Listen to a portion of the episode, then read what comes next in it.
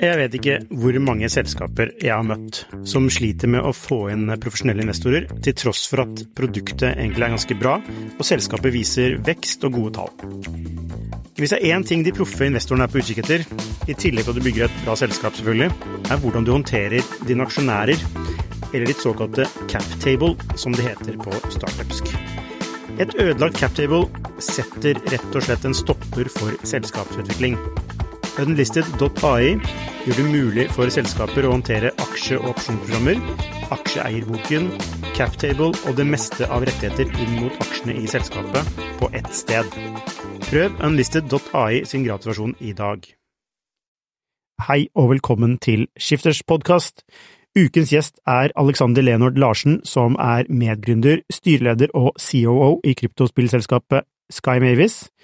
Og på høyden så har vel Sky Mavis eh, vært 25 milliarder, eller 30 milliarder kroner. Helt sånn sinnssyk sum. Eh, og så blei de hacka, og det skal vi få høre litt mer om. Eh, men først og fremst, velkommen til Alexander. Takk skal du ha. Veldig hyggelig å være her. Og ja, det er mye å gå over her, altså. Ja. Vi, eh, men du, vi, rett før jeg begynte å ta opp, så snakket vi om Nintendo. Mm. Vi fullføre det, for det var interessant? Eh, altså, jeg elsker Nintendo, det forstår jeg altså du også gjør, og din første gamingkonsoll var en eh, Super Nintendo?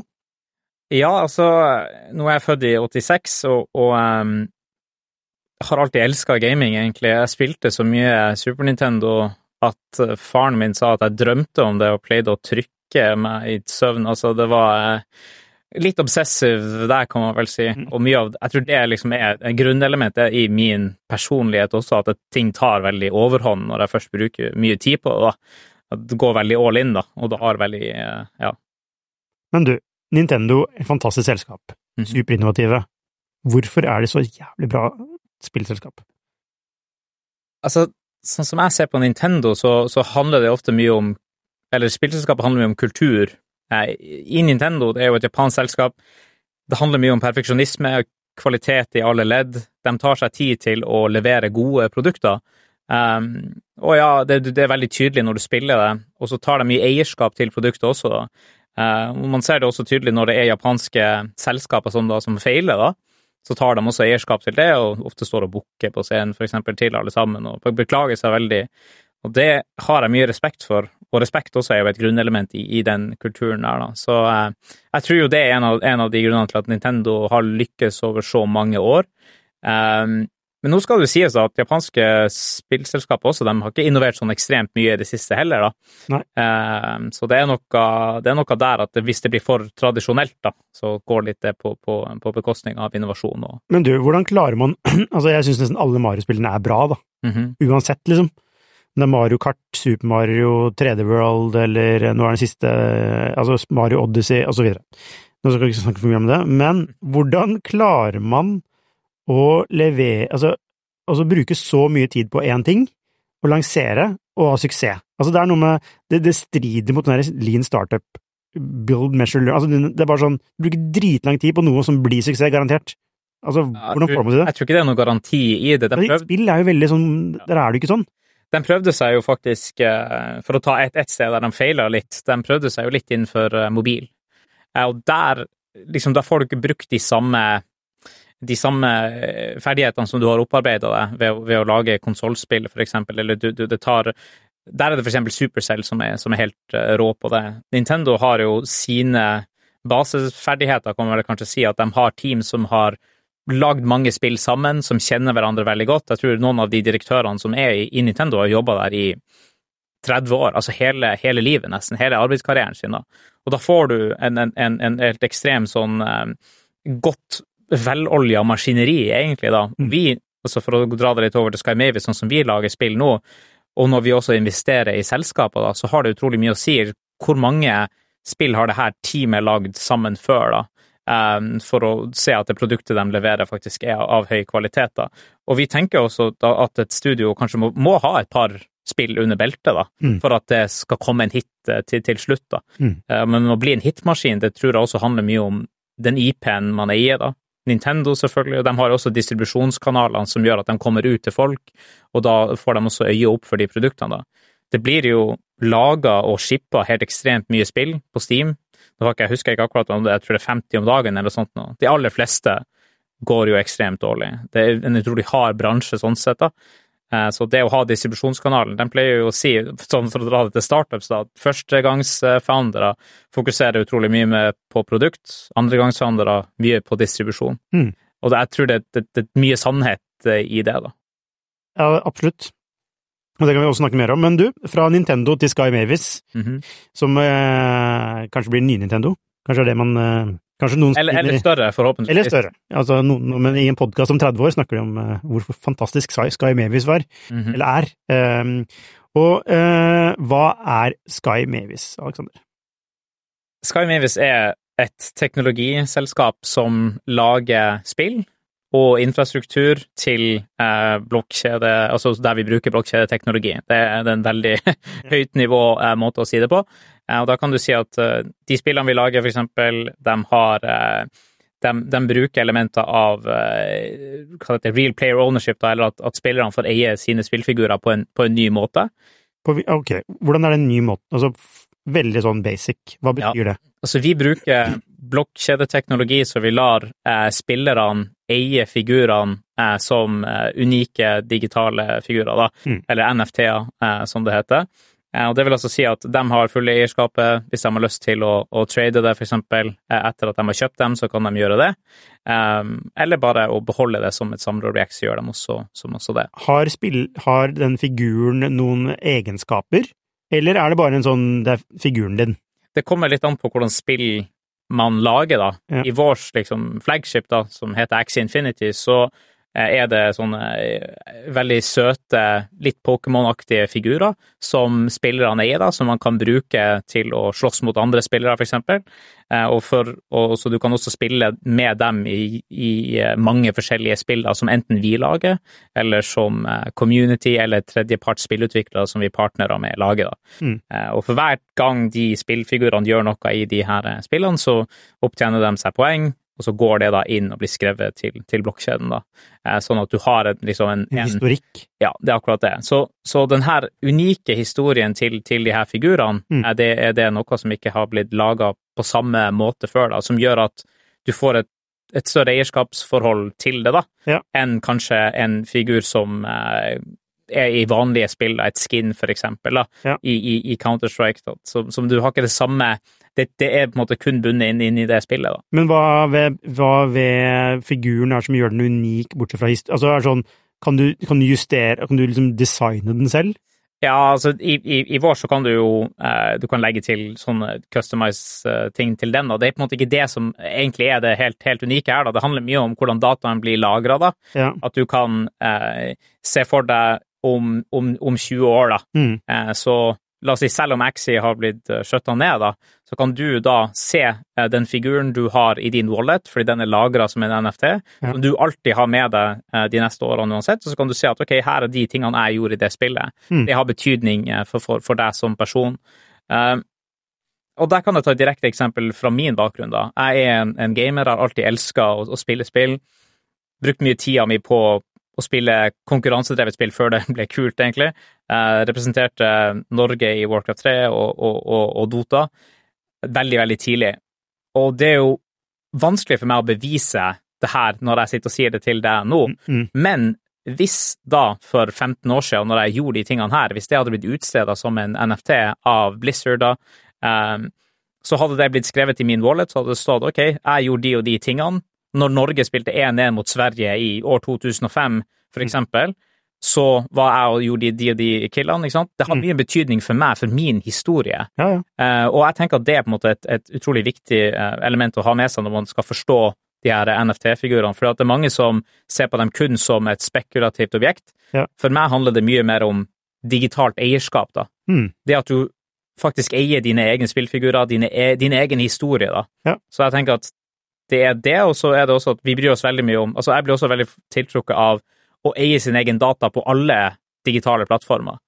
For eksempel hvis du bruker Facebook, så vil jeg helst at jeg skal eie den dataen der sjøl, og da skal jeg kunne selge den videre, for eksempel hvis noen har lyst til å bruke den, ikke det at plattformene skal eie det.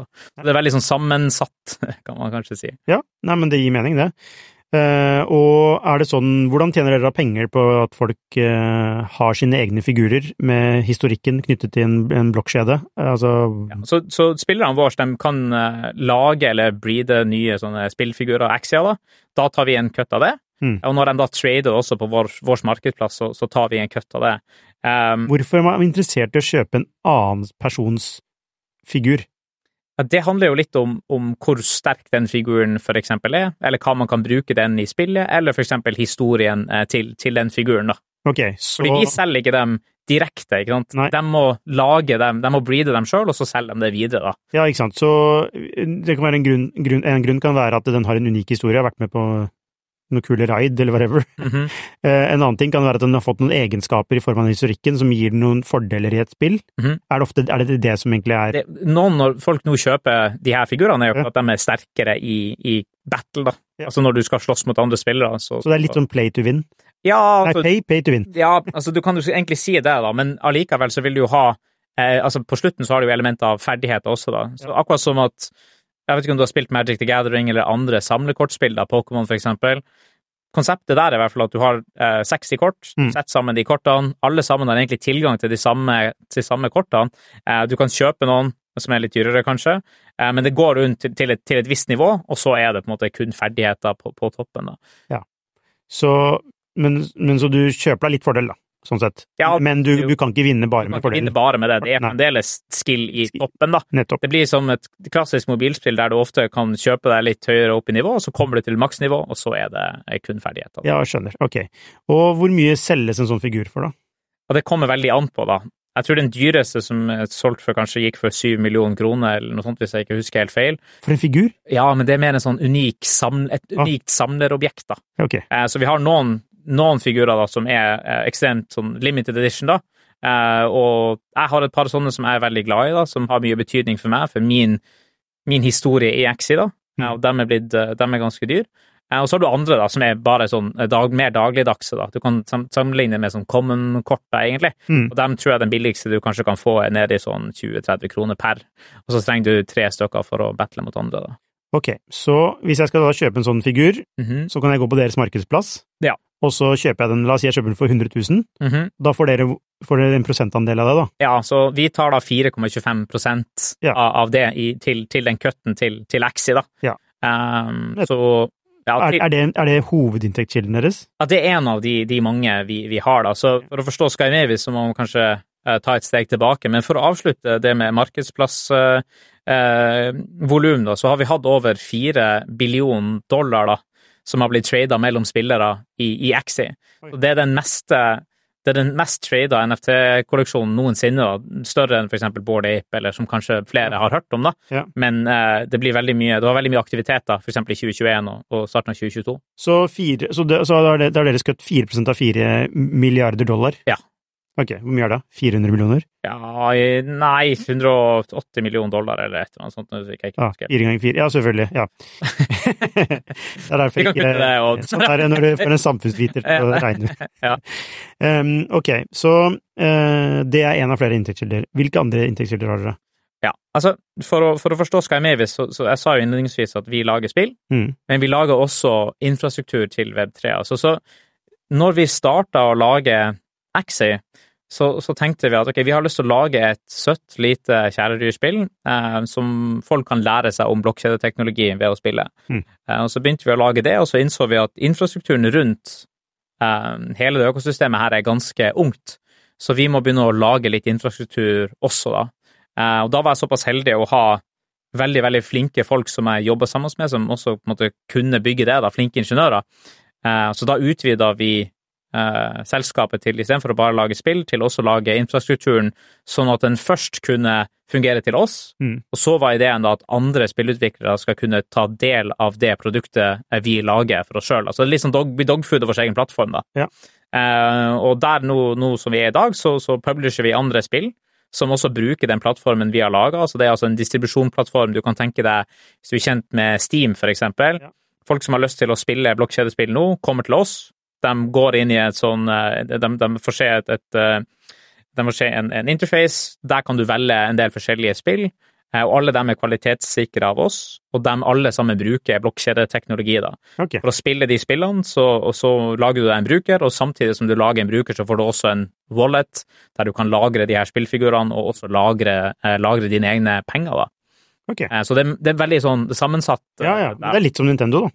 Eh, som lar spillutviklere Altså bygger en plattform, Ja. som, og som spillutviklere da kan bygge et spill på. Mm -hmm. uh, Nintendo Og som distribusjonen er Dere, dere tar dere av distribusjonen sånn sett, da. Mhm. Mens uh, i Nintendo-tilfellet så må man må spillutvikleren selv uh, skaffe distribusjonen til det spillet. Ja, det, til en viss grad. Altså, Nintendo har jo ofte avtaler med butikker. Ja. Ikke sant? Så jeg, sånn som jeg oppfatter det, er jo at hvis det er høykvalitetsspill som går igjennom den Nintendo-maskineriet, da, Mm. så kommer de også å bli, liksom, får ta del i den, deres hylleplass, da, på en måte. Ja. Fordi de har på en måte, den, den, de bruker deres, som du sier, da, plattformer som egentlig er Nintendo. Mm. Ja, så det, men dere, bruker, dere har bygd en spillplattform, dere? Ja, det er det som er en av delene. Mm. En av det, på en måte, vi, vi, vi ser for oss at Vi ser for oss at de aller fleste som kommer til å begynne å bruke blokkjedeteknologi, kommer til å finne ut av det gjennom spill, fordi det er en unik, en ny måte å spille på.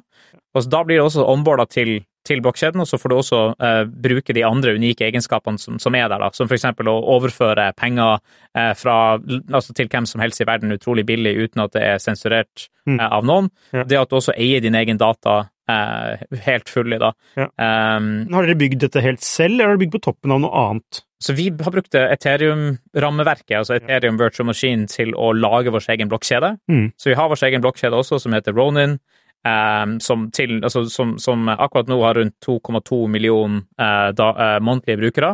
Så det har begynt å komme seg opp igjen på et ganske bra nivå, uh, til og med etter den hacken, da, som Mm. er ganske setback.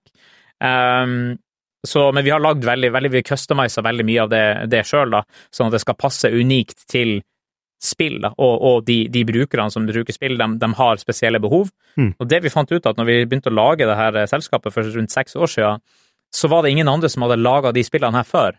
Vi var en av de aller, aller første som klarte å se på det potensialet, og da må du på en måte også forstå det problemet du, du har lyst til å du, du, du skjønner det problemet mye bedre enn mange av de andre, da. Mm. Uh, så vi fikk alle veldig mange sånne pitcher. 'Å, dere burde komme og bygge med oss, fordi vi skal løse deres problem'. Så begynte vi å se litt dypere, men de skjønner jo ikke problemet vi prøver å løse engang. Mm. Og da ble det veldig tydelig at vi må gjøre det her sjøl. Ja. Uh, og da blir det også liksom Markedspotensialet blir mye større, men fallhøyden er også utrolig mye større, fordi du griper jo over et Altså, du, du, du, du prøver å skape så mye ting samtidig, så vi pleier å si da at hvis vi klarer å komme oss til 80% på eksempel Wallet, på blokkjeden, på distribusjonsplattformen, på også alle de spillene, da, så gjør det at vi har hele pakken da, Mm. såpass unik at da vil de fleste spillerne komme til oss, og så kan vi etter hvert begynne å perfeksjonere eh, resten. da. Og er det sånn at Ok, da jobber dere med spillutviklere, da, som vil lage et blokkjedespill? Ja, som, som, eh, som gjør det. Så vi har jo vår egen investeringsarm der, så vi har allokert 10 millioner dollar til, til å, å, publishe andre spill, og den leder jeg da. Så vi eh, Da ser vi på utrolig mye selskaper som har lyst til å lage spill innenfor blokkjedeteknologi, Mm. bruke det til å, å gi en bedre spillopplevelse til, til, til brukerne. Um, og da velger vi å investere, publishe hos oss, og så ja, tar vi dem til, til markedet, da. Okay. Dette, ok. Hvor, mye hvor, hvor stor andel av inntektene deres kommer fra denne delen, altså infrastrukturdelen? Eh, det er veldig nylig, egentlig, at vi har begynt å se litt uh, traction der. da. Så absolutt, den, den største delen kommer ifra uh, markedsplassen. Ja. Men så har vi også en annen del, altså jeg nevnte så vidt walleten, da. Mm. Men hvis du ser for deg en, en, en wallet der du har muligheten til å swappe, da, altså du kan, du kan bytte mellom forskjellige valutaer. så tar vi også en en cut hver gang folk driver og trader der, da. Mm. Så den helhetlige, eller de- den visjonen vi, vi jobber mot nå, da, er en framtid der hvor folk eh, spiller spill, der de har kanskje muligheten til å tjene noen ting inn i spillet. De får det her på telefonen sin, og de kan bruke de pengene, de, de, de, den virtuelle valutaen de har fått, til å kjøpe ting i butikken der de er, i, i, uansett hvor de er i verden, Ja. og kan overføre penger til hvem de vil uansett i verden. Hvordan tjener man penger inn i spillet? Det kommer litt an på hvordan spillet er satt opp, da. Ok, For det finnes spill hvor du kan tjene penger? Det finnes spill der eh, spillere kan tjene penger, ja. Altså, det var en av grunnene til at Axie ble veldig populært innledningsvis, er jo at det lagde en mulighet for folk til å tjene penger på eksempel å, å lage seg nye Axies, Mm. selge det. eh, og så andre folk kjøper det igjen. Og så handler det jo litt også om hvor dypt er spilluniverset der, da. Mm. Det å tjene penger i spill er egentlig ikke nytt, faktisk. Du kan jo si at i World of Warcraft så har folk tjent penger på å spille og farme gull i en Mm. Ikke en mannsalder, da, men det er ikke langt unna nå. Ah, okay. Så, men der går det jo imot deres eh, terms of service, da. Så du Mm. blir egentlig banna hvis du selger gull. Ja. I Axie så kjører vi en helt åpen økonomi. Hvis du spiller, du er flink å spille, du kan du komme høyt på leaderboard, da tjener du Axie tokens som har en, en ekte verdi. Mm. Du kan da selge den for ekte penger, for eksempel. Og er det, er det tokens fra dere? Ja. Okay. Vi utsteder vår egen token, for eksempel. Akkurat Mm. nå ligger den vel på 64.-plass eller noe sånt i verden av de største kryptotokenene. Ja, så dere har basically deres egen kryptovaluta? Ja, altså vi tenker ikke på det som en valuta, egentlig. Altså, jeg tror at Men en, en, en, en, da. En slags coin, da? Ja, egentlig to en token, da. Ja, en token. Ja. Fordi at uh, det, det å kalle noe for en valuta, så, in, så, så insinuerer jeg kanskje at det skal være mer stabil, stabilt, da. Okay. Det er en, ja, en, asset, en verdi Ja, eh, altså det er det. er jo måte en slags penge. Du kan bruke det til å Det representerer jo en slags verdi, Mm. men det å si at noe er en valuta for meg handler det i hvert fall om stabilitet, Ja. at det skal brukes i det dagligdagse. Norske kroner er en valuta, filippinske peso er en valuta, dollar er en valuta. Mm. Ja. Axie Infinity Shards skal egentlig representere eierskapet av eh, et desentralisert eh, spillunivers da, Mm. med Axie. Du kan bruke det til å betale. Det handler bare om at det er andre folk som er villige til å ta det imot som betalingsmiddel. Hvis du kan si det sånn, så kan Mm. alt være en valuta. Ja, Nettopp. Er det sånn at, er det sånn at øhm, den ja, det er mange som spekulerer i den kursen? Ja, det har vært veldig, veldig mange, så, så eh, den gikk utrolig høyt helt innledningsvis. Den gikk fra, altså vi solgte til våre investorer, sideinvestorer, så da solgte vi til 0,08 dollar per token. Mm. Altså på høyeste var den vel verdt 160 dollar per token. Shit! Så det er ganske sånn, jeg tror det er en av sånn venture scale returns, så er Ja. utrolig bra. Mm. Eh, og nå har vi også en annen Hva, hva ligger den på nå? Nå er den vel ned på 7-8 eller noe sånt, så vidt jeg husker, så den er ganske solid opp enda, Mm. men ganske solid ned fra toppen. Ja, ja. Så sånn er det jo ofte i krypto. Det går høyt opp, og så går det fort ned. Så det er jo eh, veldig refleksivt, kan man kanskje si da. Ok, så da um, Sky Mavis er selskapet, Mhm. altså Axe Infinity er ett av flere spill Ja. som er inne i denne, dette universet, mm -hmm. den infrastrukturen deres. Eh, dere tjener penger på dere, Det dere primært har tjent penger på, er jo at folk trader sine figurer. Mhm.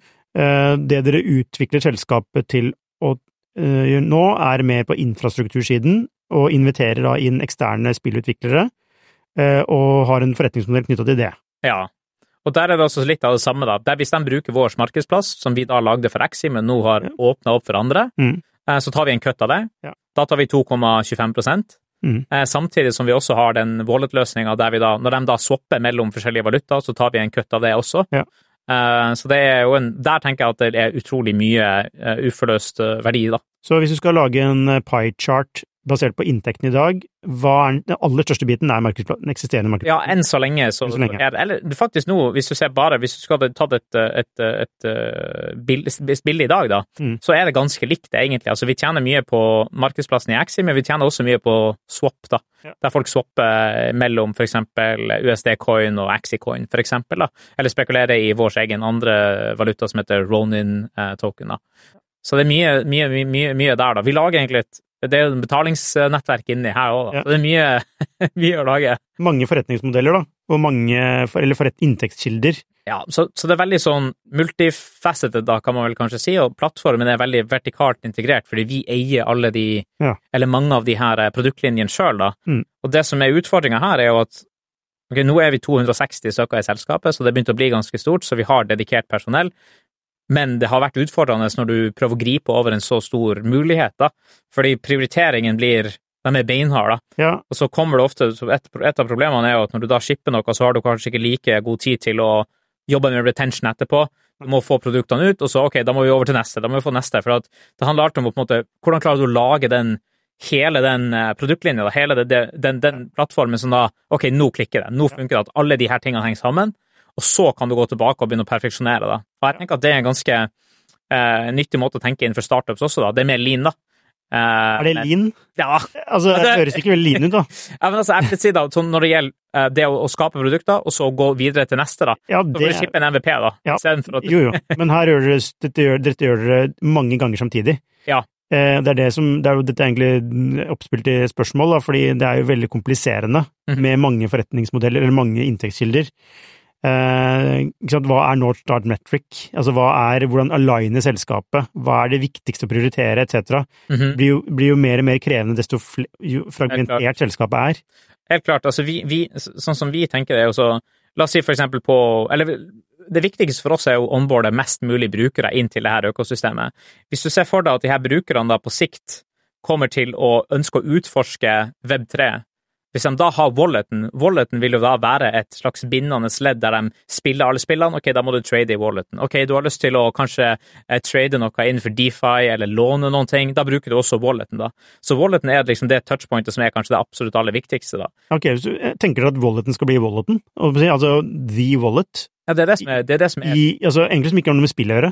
Nei, nei, det det, måte, det, er det som er eh, målet. helt det aller, aller siste målet. da, At ja, okay. den walleten der er der folk eh, lagrer alle pengene sine også, for eksempel. Mm. Blir det en slags sånn custodian, da, eller? Nei, det, det er non-custodian. Altså, den bruker jo Hvis du, hvis du tenker innenfor Web3, så eh, kan Altså, vi ønsker ikke å custody deres penger. Du lager din egen wallet, du har et eget eh, et sånn private key eh, setup, da, mm. som gjør at hvis du da husker på dine tolv ord, da, så gir det deg tilgang til den walleten. her. Så det er ikke noe som vi har, har kontroll på. Nei. Men det finnes også noe som heter multi ja, MPC-wallet, da, for å gjøre det minst mulig teknisk. Eh, men da kan du lage en wallet med e-mail, da.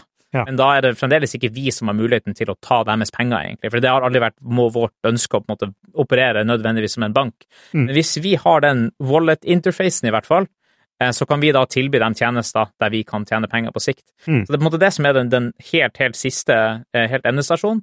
Eh, men for å komme dit, så må vi da onboarde veldig mange brukere. Så user acquisition til den walleten, det er egentlig alle spillene. Ja, skjønner. skjønner. så det er veldig på en måte det, det, det er, det er om da. Ja, ikke sant. Og det er egentlig det er, Dere bygger en annen funnel inn til en wallet. Ja, basically. Men mm det betyr jo også at alle de spillene må være utrolig bra, og vi er jo også et spillstudio, så vi lager jo våre egne spill. Mm. Men den walleten er jo akkurat som at eh, du har andre selskaper, for eksempel eh, Vet ikke om du har hørt om Grab? Nei. Det er et, et stort selskap i Sørøst-Asia der de uh, egentlig har sånn rideshare Altså de, de, det er sånne Ikke Uber akkurat, men de, de kjører rundt på sånne scootere, da. Ja. Uh, men det som er det artige der, da, at den ride-greia der, det er acquisition til deres wallet. Ja, det er der de tjener mye penger, da. Ja. Når folk da kjøper med den walleten i butikken, så tjener de penger på det. Ja. Så det er jo ve veldig mange måter på en måte å, å, å få brukere til uh, en wallet, da, fordi at alle vet jo at peng, altså folk som har banktjenester, for eksempel, ja. eller i bank, mm. der er det mye penger å tjene. Ja. Så kanskje det er på en måte en, en, en, en mulig uh, endestasjon der. Men ikke at vi skal fungere som, akkurat som en bank, mm. men en wallet vil fungere som folk sin personlige bank. Ja. Altså, jeg tenker litt på Vipps, jeg. Som egentlig det er og du, overfører, okay, du installerer det for å overføre penger til en venn eller noen på Finn, ja. men så blir det de facto måten å betale på på nett.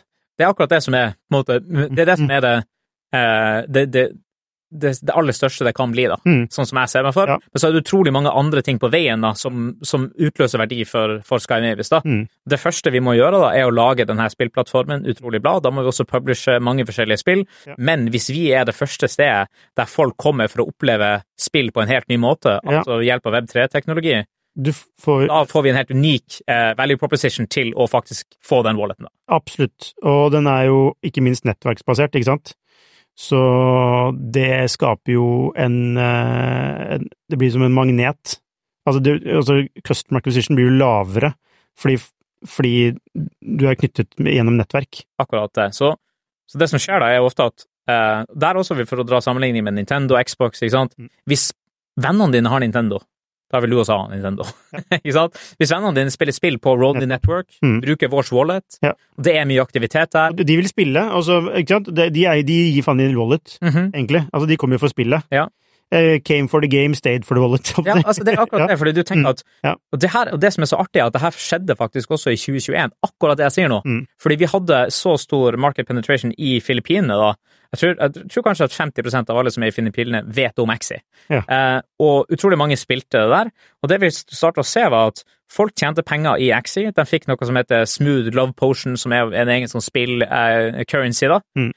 Eh, og det som skjedde da med retailerne rundt omkring i det landet, var at ok, de begynte å akseptere Smooth Love Potion fra spillerne, ja. fordi de ønsker å få tilgang til deres penger. Nettopp. Skjønner du hva jeg mener? For at Ja. hvis du som retailer eh, i, i, i, på gata, du vil jo ha pengene fra Ja, de andre, ikke Ja, vil det blir enkelt for dem å konsumere eller kjøpe dine ting. Akkurat. Mm. Og det er så Når jeg så det skje for første gang, så tenkte jeg det her er helt uvirkelig at det her faktisk holder på å skje. Fordi det er liksom drømmen Men var det det dere tenkte?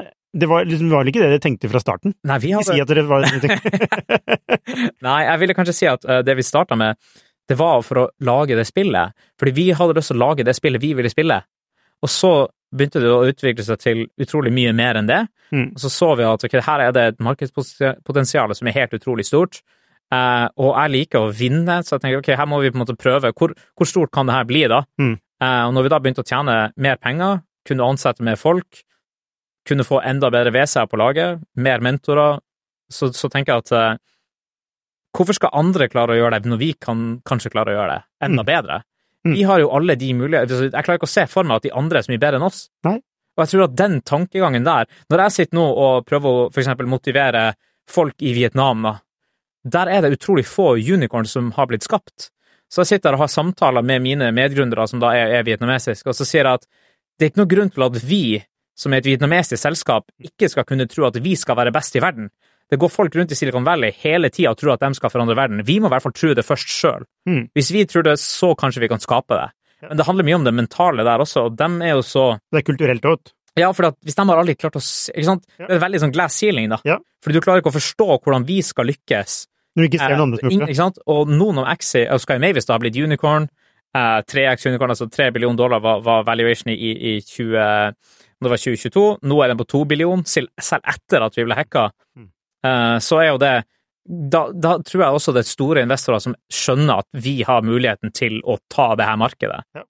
Og la oss si det sånn, selv om vi ikke kanskje blir den ultimate walleten for absolutt alle her i verden, ok, greit, hvis vi får da en spillplattform som fremdeles da kan rivale Steam i seg sjøl, det er jo en Mm. Altså, jeg skal ikke se noen grunn til at Sky Mavis ikke kan bli et, trillion dollar-selskap til slutt. Nei. Altså, man må i hvert fall tro på det sjøl, og så, og så eh, og så jobber vi. Er det målet? Bli et trilliondollarselskap? Jeg tror at mitt, mitt mål nå Mm. handler mest om at eh, jeg vil vise folk rundt omkring i verden at eh, det er verdi som blir skapt i de spillene her. Mm. Det må i hvert fall det som være først. Og så ønsker jeg faktisk eh, Jeg tror på frihet, da, i forhold til eh, at folk skal kunne sende penger til hvem de vil, at folk skal kunne ha, ha tilgang til det økonomiske systemet. Det skjer gjennom krypto, i hvert fall i Sørøst-Asia. Det, så, så, det er så mange kryptofolk som sier det der. Mhm. Altså, hvor viktig er det Altså, det, hvor viktig er det egentlig? Altså, Her i hvor- Norge er det jo helt- beveg, altså, Nei, Det ja. jo ingenting i Norge. Vi, her, vi stoler jo på våre institusjoner her, men jeg, nå bruker jeg veldig mye tid nede i Asia. Vi har mange kunder nede i, i, i Filippinene, i Indonesia, i India. Det er jo ikke alle der som har tilgang, de har ikke sitt eget pass, de har kanskje ikke sin egen eh, De har ikke noen mulighet til å identifisere seg til og med nesten i det hele tatt. Mm. Det å få egen bankkonto da er utrolig vanskelig. Bare det ved å ha tilgang til en, en, en, en mobiltelefon, om du laster ned wallet, har tolv ord, ok, greit, nå er du på- på- påkobla et, eh, det globale eh, økonomiske systemet. Mm. Du kan sende penger, du kan få penger, du kan til og med ta lån eh, etter hvert. da. Mm. For meg er det her et eh, Jeg tror det er utrolig viktig, eh, og i hvert fall når jeg ser hvor stor betydning det har hatt for mange som har spilt spillet vårt. da. Mm. Nå er det jo kanskje sant at vi er ikke helt der at vi klarer å lage spillene så eh, sustainable enda, da. At de her øko, økonomiene da funker på veldig, veldig lang sikt. Men det her må eksperimenteres med. Det her må, må, må testes mye. Du må ha mange iterasjoner av økonomier for å få det til å fungere. ja, er dere lønnsomme nå?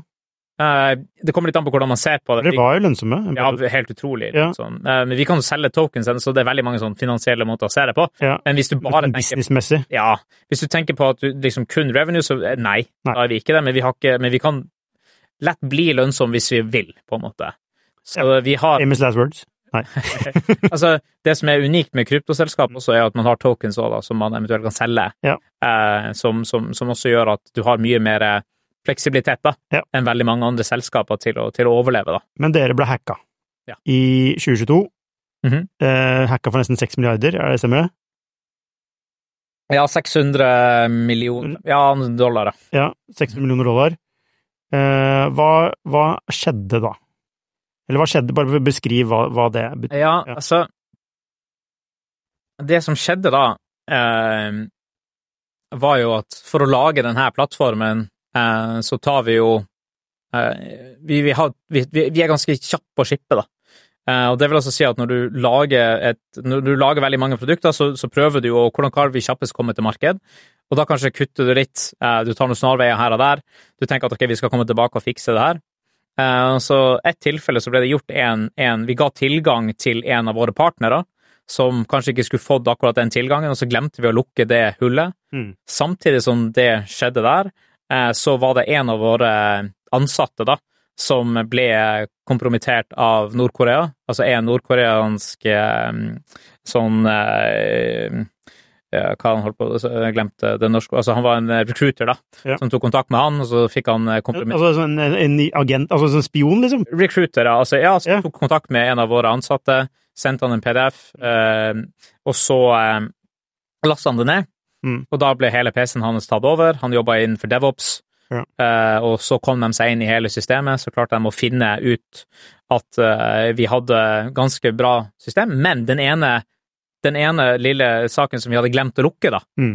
den hadde utrolig mye å si, da. Mm. Uh, så da endte det i hvert fall med at de klarte å utnytte Først at de klarte å kompromittere han, og så kom de seg inn, og så så de at det, ene, det var et annet hull som vi også, som egentlig vi skulle lukke, som vi ikke hadde lukka, som, som da og da fikk, man, da fikk, de tilgang på folk sine wallets? Nei, det de fikk Nei. tilgang til da, var eh, å eh, spoofe blokkjeden, eller de fikk tilgang til å sende et, et falskt kall til en sånn bridge, da, mm. eh, som egentlig er der. Du kan se for deg et bankhvelv, da.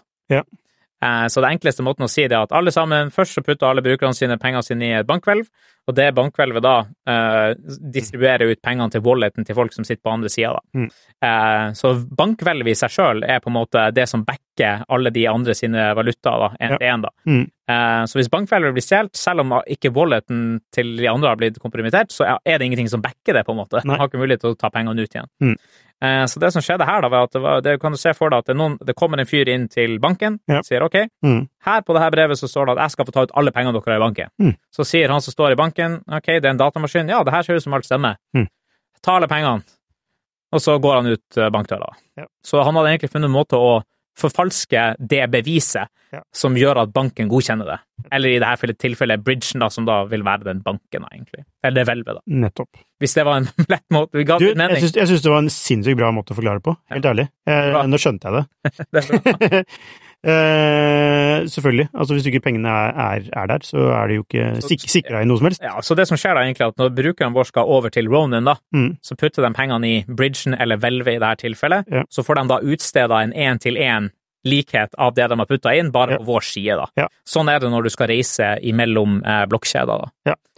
Ok, og da, betyr, da, da når, men da ser det ut som at man har penger på sin egen eh, wallet. Akkurat, det stemmer det. Eh, og, Brukerne oppdaga det ikke. Nei, så eh, når er det, når er det brukeren oppdager det, da? Når, Nei, vi oppdaga det først, men vi hadde ikke så bra tracking-systemer, så eh, fem dager etter at denne hacken hadde skjedd, mm. så så vi det på bridgen at den er jo tom. Ja. Eh, da begynte vi å oppdage hvordan har det her egentlig skjedd, da hadde jeg akkurat kommet hjem fra, fra Game Developers Conference, um, og så var det en fyr som sendte meg en beskjed. Ok, jeg får ikke tatt ut noen penger fra bridgen. Så han prøvde å komme inn til Velve og si at jeg skal ta ut Ja, ok, det var tomt. Det ble stoppa, da. Ja, ok, greit, så, jeg, så sender jeg til CTO, kan ikke du ta en titt på det her? Jeg hadde litt dårlig følelse, gikk og la meg. Mm. Våkna opp klokka fire på morgenen. Liksom, du, får ikke, du vet når det er problemer, du får ikke helt sove ordentlig, sjekke litt ting.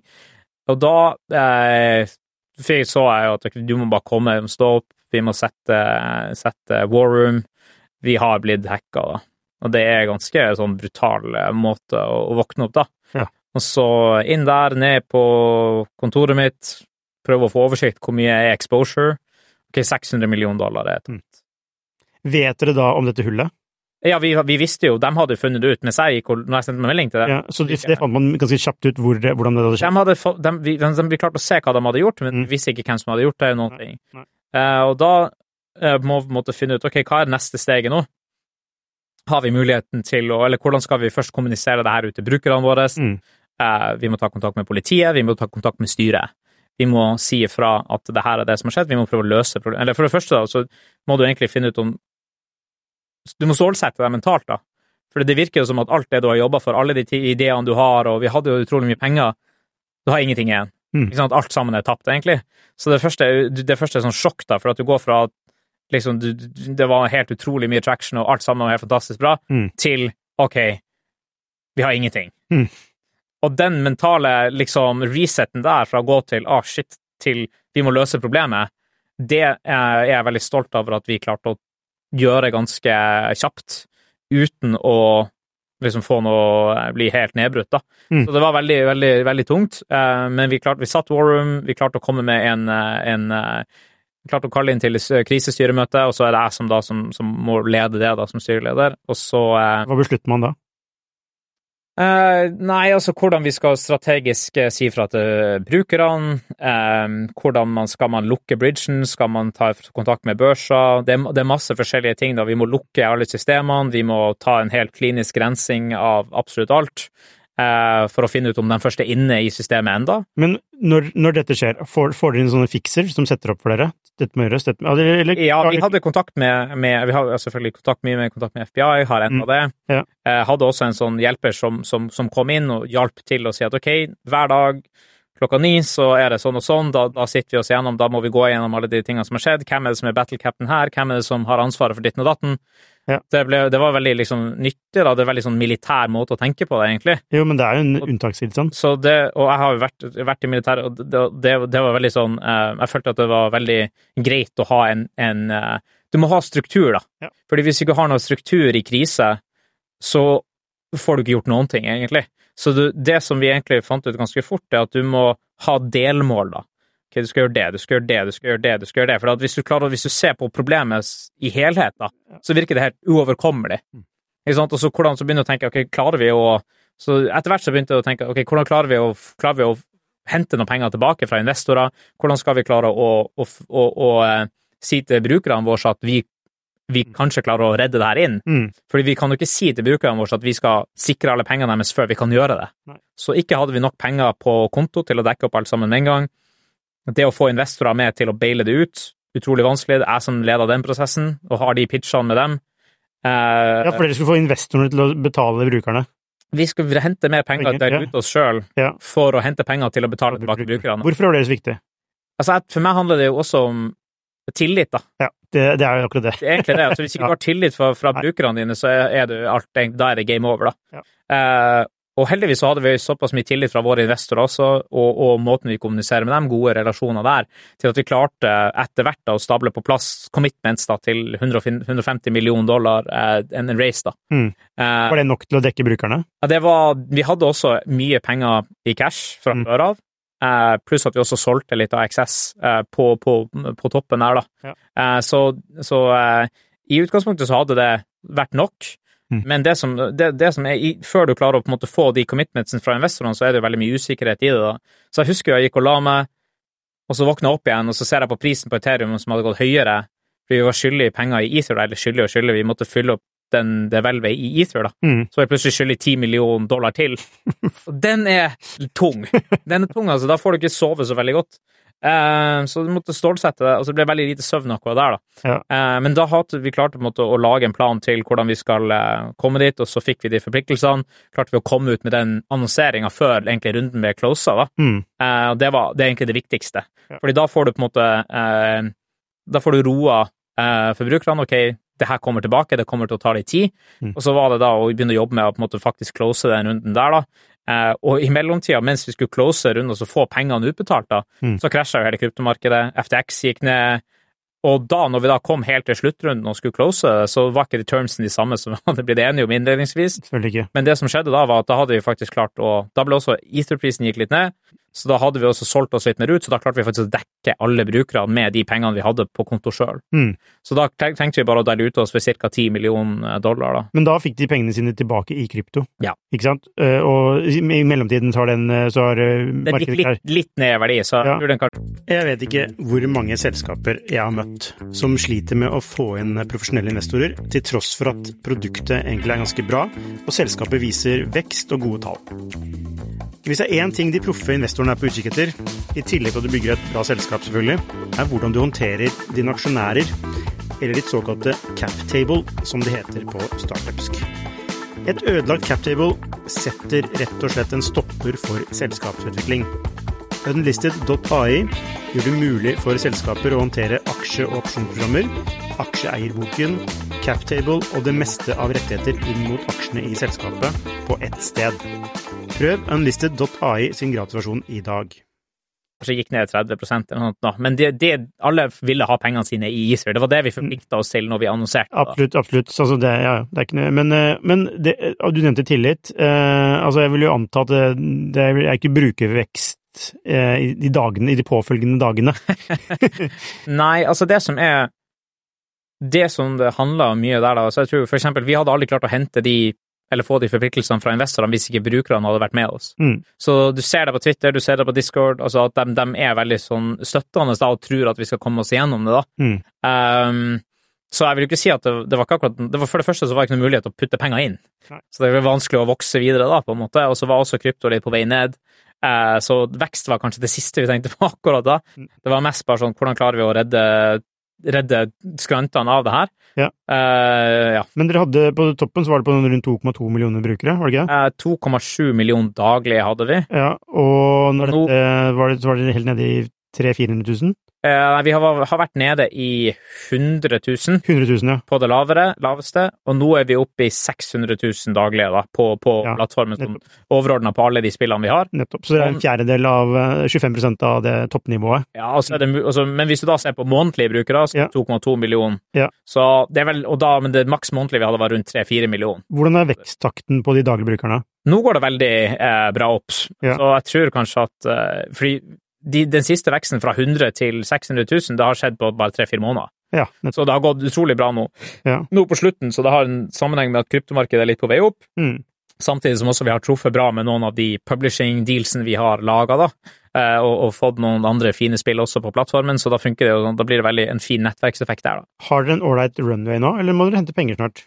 Nei, vi har eh, ja, rundt fire år i cash. Fire år, i cash, ja. Ja, og så har vi også liksom Hvis du regner med tokens og sånt, så er det sikkert 15 år. Og, så, altså, så, så det er veldig eh. Mm. Ja, altså det er jo Men du kan jo ikke selge alle de tokensene. Nei, nei. Altså, men fire år er en fin eh, Det er en Ja, vi er ganske heldige sånn sett der, da, men nå har vi jo ikke, ikke sant, Vi er 260, eh, vi brenner kanskje ja, 2,2 millioner dollar i, i måneden, da. Eh, så Og flesteparten er ansatt i Vietnam? Ja. ja. Lave lønninger? litt der i Ja, vi er lave lønninger, flinke Ja. folk. Mm. Liksom dyktige, sultne folk. Så har vi også et lite team her i Norge, Ja. eh, og så har vi også en del i USA. Og nå også i, i England, har vi der hvor har vi vår eh, CFO. Men altså, for eksempel, jeg tror aldri det hadde gått å lage eh, Sky Mavis fra Norge. Mest fordi at liksom, vi, vi holdt jo nesten på vi hadde, Jeg tror i slutten av 2018 hadde vi én måned igjen å leve. Sånn. Masse sånne nesten stang ut-perioder, da. Eller som heldigvis gikk stang inn, da. Ja. Jo, Men, ja, ja, jo, jo, men, det, Sånn er startups, da, for det. men, men er det ikke sånn med noen, no startups i Norge også, som er nesten stang, ut, og så er det stang inn? Ja, men jeg Eller- tror jo Ja, altså, jeg tror at det er jo jeg, jeg, jeg, jeg tror ikke at vi hadde klart å skape Sky Mavis i Norge med tanke på liksom de eh, politiske forhold, forholdene som er her, da. Ok, hva, Eh, hvilke politiske forhold er det? Nei, altså, jeg tenker jo Ja, det er jo, det er jo arbeidsgiveravgift, for eksempel, nå er jo Ja. ganske tungt, da. Så det er vanskelig å få internasjonalt talent inn her for, for, for norske startups. Ja. Eh, Du kan jo ikke sette opp selskapet ditt her i Norge, for eksempel, på samme måte. For eksempel, det er hvis du da skal hente internasjonale investorer, det er helt umulig. De må jo ha VPS-konto. Altså, det er jo så mye sånn latterlige småting som det der, som ikke engang blir snakka om. da. Hva er de, ja, den ser jeg, men hva er de viktigste tingene? Altså, han Vestre, Jan Christian Vestre, eh, Mhm. arbeid, han er jo ute og skal eh, tekkes gründere. Eh, og hva er, din, hva er dine råd til han? Altså, for, for, for det kan Norge bli en sånn startup nation? Ja, altså Jeg tenker jo at vi har alle forutsetninger for å bli det. Uh, uten å bli altfor politisk her, så, så, så klarer jeg egentlig ikke å se hvorfor vi skal ha så høyt skattetrykk her i Norge i det hele tatt. Mm. Jeg, jeg, jeg sammenligner egentlig litt det oljefondet vi har. Hvis du, hvis du ser for deg Norge som bedrift, og så tenker du oljefondet som balansen, burde man ikke bruke balansen på vekst istedenfor å bare ha mer på balansen til en rainy day i framtida? Hvis du skulle sagt at Norge var en bedrift, så hadde det vært en feit, slapp gamling som ikke hadde, hadde noe å gjøre som et vekstselskap i det hele tatt. Det, er jo, det må finnes noen muligheter her for å ta og redusere skattetrykket, da, i hvert fall for, for vekstselskaper, og gi insentiver da, til å få dyktige folk til å flytte inn i, i Norge. Da. Mm. Eh, og det kan også gjøres i løpet av, ved, ved å ha unike eh, skatte, skattetakter. Da. Eh, og det at, måte, det at det er blitt så populært å, å jage ut de rikeste, at det er så, så eh, høyt skattetrykk at de, de, rikeste og de som har mest kompetanse, faktisk må flytte ut av Norge, Men er det ikke, er jo håpløst, da. Er det ikke det skattetrykket som, at, som sikrer at vi har en velferdsstat? Ja, men altså, du kan jo si at hvordan kan du tenke at Norge skal leve på sikt etter oljen hvis man ikke skal ha innovasjon, da? Mm. Så jeg tenker jo at det å ha lavere skattetrykk nå, men å fokusere mer på innovasjon og fokusere mer på å tiltrekke seg gründere, vil jo gjøre det at kanskje du kan øke skattetrykket på sikt når du har laga en helt Ny forretningsmodell for landet? Ja, basically. Jeg tror at det, For min del så handler det veldig mye om det. Um, men nå er jeg ikke noe sånn ekstremt inni Men jeg tenker bare sånn veldig høyt nivå der, da. Uh, men, jeg, men, jeg, men, jeg, oppfatter jo det at det er så, det så mye ulik Altså, folk ser litt annerledes på det her i Norge, da. Jeg syns jo jeg er jo alt for solidaritet, og jeg bor jo i Norge, betaler skatt i Norge, og, og jeg syns vi, ja, vi har mye sunne og gode verdier, da. Ja. Det er viktig å ta vare på, på folk, selvfølgelig. Men betaler du formuesskatten din med glede? Uh, ja, altså, det gjør jeg jo. Altså, ikke med glede. Jeg syns jo at heldigvis så, så, så, ikke, så, kan man verdsette selskaper på cash, på balansen, mm.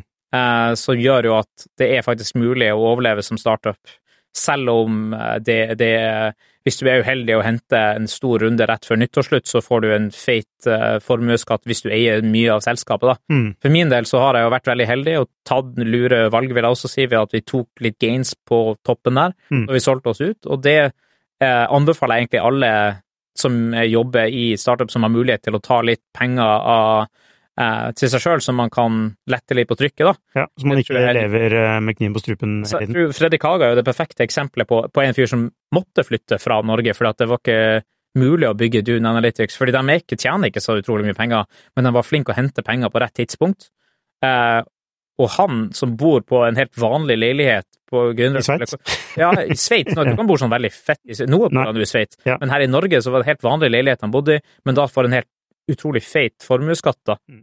Som man da egentlig må ta unikt fra, altså fra selskapet sitt, som egentlig skal brukes på vekst. Jeg føler at det er veldig sånn eh, en god måte å se hvor kjipt eh, det kan bli for startups, da. Og jeg tror at det er veldig sånn Det er upopulært å snakke om det, mm. men eh, kanskje forhåpentligvis at folk som skaper verdier, da, at det er mulighet for den vanlige mannen i gata å tenke seg til at ja, hva hvis jeg hadde skapt et selskap og var i den posisjonen der, hadde du følt at det var rettferdig? Ja, nei, det, altså, det, altså. det, kan du si, altså, men samtidig kan man jo si at uh, altså, sånn som deg, da. Du har gått på norsk skole. Altså, Norge har investert i deg ja, ja. til å bli den personen du er. Så klart. Uh, og så stikker du til utlandet og lager et selskap. Ja. Uh, det er jo sånn sånn Altså, vi investerer jo veldig mye i utdanning, vi Mhm. investerer altså helse etc., som gjør at vi har et godt utgangspunkt da, for å være gode bidragsytere i både Norge, men også i verden. Mm -hmm. Er det da rettferdig at man stikker og bygger selskapet et annet sted? Burde man liksom ikke, bygge, burde man liksom ikke bruke det her? Hvis man kan, men det handler jo også om hvordan det er satt opp her for å lage vekstselskaper. Jeg oppfatter jo Eller jeg opplever ikke Norge som satt opp for å lage vekstselskaper sånn som det er i dag. Og det handler jo også om de insentivene som, som Og jeg tror veldig mange av dem er økonomisk, men også eh, sosiale da, i forhold til hvordan skal du få inn de beste talentene inn til, inn til Norge. da. Ja. Det er når folk må betale så mye formuesskatt at de flytter nå, nå, nå, snakker jeg la oss si da, om mange er glad i å, også å trashtalke dem som kanskje har mye penger, som har skapt verdier for veldig lenge siden, mm. fordi at det føles så fjernt ut. Å, de har vært rike i 20 år. Men Kjell Inge Røkke han jobba jo beinhardt i, og jobber jo enda beinhardt i utrolig mange år. på en måte, Og tenk på all den kompetansen han har. da. Jeg Mm. ønsker jeg kunne ha han som mentor til det selskapet vi skal lage med. Jeg har aldri møtt han, jeg har ikke noen sjanse for å møte han nå, han bor jo ikke i Norge. Nei. Det er jo et utrolig tap for alle norske entreprenører. Alle som har lyst til å skape verdi for å, for å, for å ha Vi har behov for å få de De klokeste hodene burde være her for å motivere andre, for å kunne eh, gi dem råd, da. Ja. Og hvis de ikke er her, så hvordan får de jo andre relasjoner? De gir råd til folk i Sveits som har lyst til å bygge selskaper, og det er så fjernt for meg at, eh, at eh, det er ingen som på en måte klarer å se det tapet, da. Mens de har lyst til å på en måte bake kaka mindre, nesten. eller sånn. Også, også veldig snodig det der at man skal jage de rikeste ut, men det er jo dem også som betaler mest skatt. Mm. Så da, til neste år, tror, så, så er det jo mindre som kommer inn. Ja. Så, så det er bare sånn eh, Altså- Det er så mye snodige det er så mye snodige ting, og så skal man bruke være veldig moraliserende på, på, på det.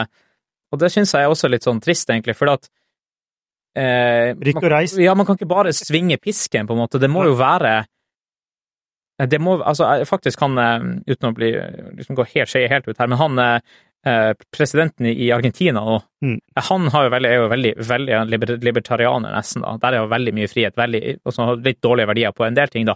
Men han er veldig pro gründerskap, da. Mm. Han er jo en entreprenør, og, og tror jo på at det å skape verdier, det å vekse, er viktig. Eh, Så der har jeg også en del meninger når det gjelder liksom denne degrowth eh, Altså, det, det er jo på en måte at man skal konsumere mindre, og at det på en måte er løsninga, det har jeg også heller ikke noe trua på. Jeg tror at det går imot menneskets natur. Mm. Jeg tror at man må bake kaka større, bruke den energien vi har til å innovere oss ut av problemer. Mm. Eh, og så kan man også fokusere på klima og, og, og, og ting etter hvert. Så de, alle de tingene her henger veldig sammen. Da. Så, sånn, sånn til politikere som eh, som, eh, som kanskje følger med Vestre. Jeg vet ikke om man Ja, det er, Vestre følger med. ja, det er vanskelig for meg å si. Jeg har aldri møtt dem. Eh. Nei, altså, men altså eh, Ja, de følger med. Han har selv vært i podkasten her eh, for å snakke om disse tingene. Mhm. Eh, men mitt inntrykk er jo at altså de største, den som har, det som har størst impact, er det som skjer i Finansdepartementet, Mhm. ikke et næringsdepartement. Ja. Altså, det handler ikke om at du liksom reduserer eh, behandlingstiden på Brønnøysund. Altså, det er, det, er de, det er ikke de små tingene, men det er de, det er de store strukturelle tingene som du snakker om, da. For Mm. eksempel at Altså det vi ser, i hvert fall fra Sverige og Silicon Valley og andre steder, er jo at du trenger den syklusen av gründere som lykkes, og som igjen Som blir der, da. som blir der, finansierer, og ikke minst kommer kompetanse til neste generasjons gründere. Mhm. Ikke sant? Når, du ikke klar, når de flytter av gårde, så klarer du ikke å bygge den syklusen, ikke sant? Nei. Eh, og da får du ikke den veksten. Altså, nesten alle gode økosystem, altså, sånn som Sverige eh, og Silicon Valley eh, ja, Nå kan man si at Israel har mye kapital fra Silicon Valley, men de har den syklusen. Mhm. Eh, og den er krevende å få til hvis noen bryter den syklusen og stikker til et annet land. Ja, ja, men altså, det er handler jo mest om Ja, insentiver igjen. Mm. Altså, det er jo Altså lojal, er veldig, Lojalitet er viktig for meg. Det er en av mine verdier som jeg, jeg føler jeg vokste opp med. Um, og jeg føler meg veldig lojal til Norge, da, men det er jo Selv om man er lojal, så går det grenser til hvor mye pepper og, og, og, og urettferdigheter man kan tåle, hvis du ser det sånn, da. Mm. Så kan jeg også forstå at det føles veldig urettferdig ut på andre sida, hvis det er folk som lykkes, da, og dem ikke klarer å skjønne hvorfor. Da. Så den der litt sånn sjalu Mm. uh, der, der, det skjønner jeg også, men alle kan jo skape selskaper, og- det handler jo bare om å ta risiko. Hvor risikovillig er man? Mm. Og så må man også klare å akseptere det, at det er folk som lykkes på grunn av på alle mulige slags premisser. Det kan være fordi de er flinke, Mm. de har timing, de har flaks. Ja. Det er ofte alle de tingene der sammen, da, og da må man på en måte klare å respektere det og, og si at ok, du lykkes, du gjorde de og de tingene, eh, da er det kanskje rettferdig at du er, er litt annerledes, da. Mm. Og det tror jeg føler at man må kunne si høyt, uten at man blir eh, kjeppjaga i media og, og skal ha eh, At at noen skal stå og flire av deg i, Ja. i Aftenposten eller hva. Har du opplevd det? Nei, for min del Nei. Nei, altså, jeg vet ikke hvem Jeg tror ikke de vet hvem jeg er engang. så, så, så, så, det er jo eh, Det er jo eh, Altså, men de må være velkommen Mm. til å gjøre det. Jeg kan godt stå Altså- der og, og være, bli ledd, ledd av dem. Det går helt fint for min. Handler det egentlig om at man Altså Først, altså man må liksom gå ned, da, tenker jeg, til grunnprinsippene. Altså, Mhm. hva, hva er det Norge, hvorfor er Norge rikt i dag? Mhm. Altså, det er fordi vi har olje. Mhm. Altså, Det ble jo tatt noen lure valg der da, med oljen for å, for å, for å feite opp staten, da. Ja, ja, jo, jo. Men, altså, men det, at vi er i en posisjon, og det er supersmart å putte pengene i et oljefond. Altså, det er andre land som har olje som ikke har det sånn som i Norge. Mhm. Um, men, men det er, måte, det er vår forretningsmodell, da. Det er olje og fisk. Så klart. Satt, satt, altså, det er satt på, satt Ja, på spissen. helt enig. Uh, og så, ok, tror vi at dette er en forretningsmodell som er like bra om 50 år? Mhm. Gitt altså klimaendringer, altså gitt at verden går mot ikke-fossile energikilder etc. Altså, tror vi det, liksom? Hvis vi tror det, så er det, da, da er det jo greit å fortsette som vi gjør. Da, okay, da, det, da, det, da går det fint. Men hvis vi ikke tror det, da, som blant annet vi Skifter, vi tror at vi må endre, vi må endre forretningsmodellen til Norge. Mhm.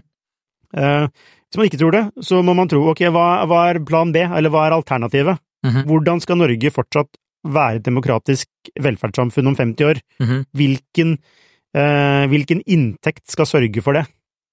Eh, og det mener, vi i Skiftet mener jo at det handler om at vi må bygge nye teknologiselskaper Mhm. som, som, som kan vri forretningsmodellen fra altså fossile kilder til eh, fornybare eh, Fornybare, altså fornybare kilder, men også eh, fornybare forretningsmodeller, eh, bærekraftige forretningsmodeller, Mhm. Som er bygget kanskje mer på kunnskap, eller andre ting, eh, som, eh, som ikke er på en måte råvarer, da. At vi, at vi på en måte tar noe fra turen og selger det. Um, og hvis vi tror det, da, hva, hva må man gjøre da? Mhm. Ikke sant? Det, er det, det, det, det jeg tenker. Jeg er helt enig i, de, i den måten å, å, å, eh, å presentere det på, da. Um, og det var derfor også å trekk liksom oljefondet inn, og er det nødvendig å feite opp staten mer enn at man tar penger derfra og prøver å strategisk vekse, da?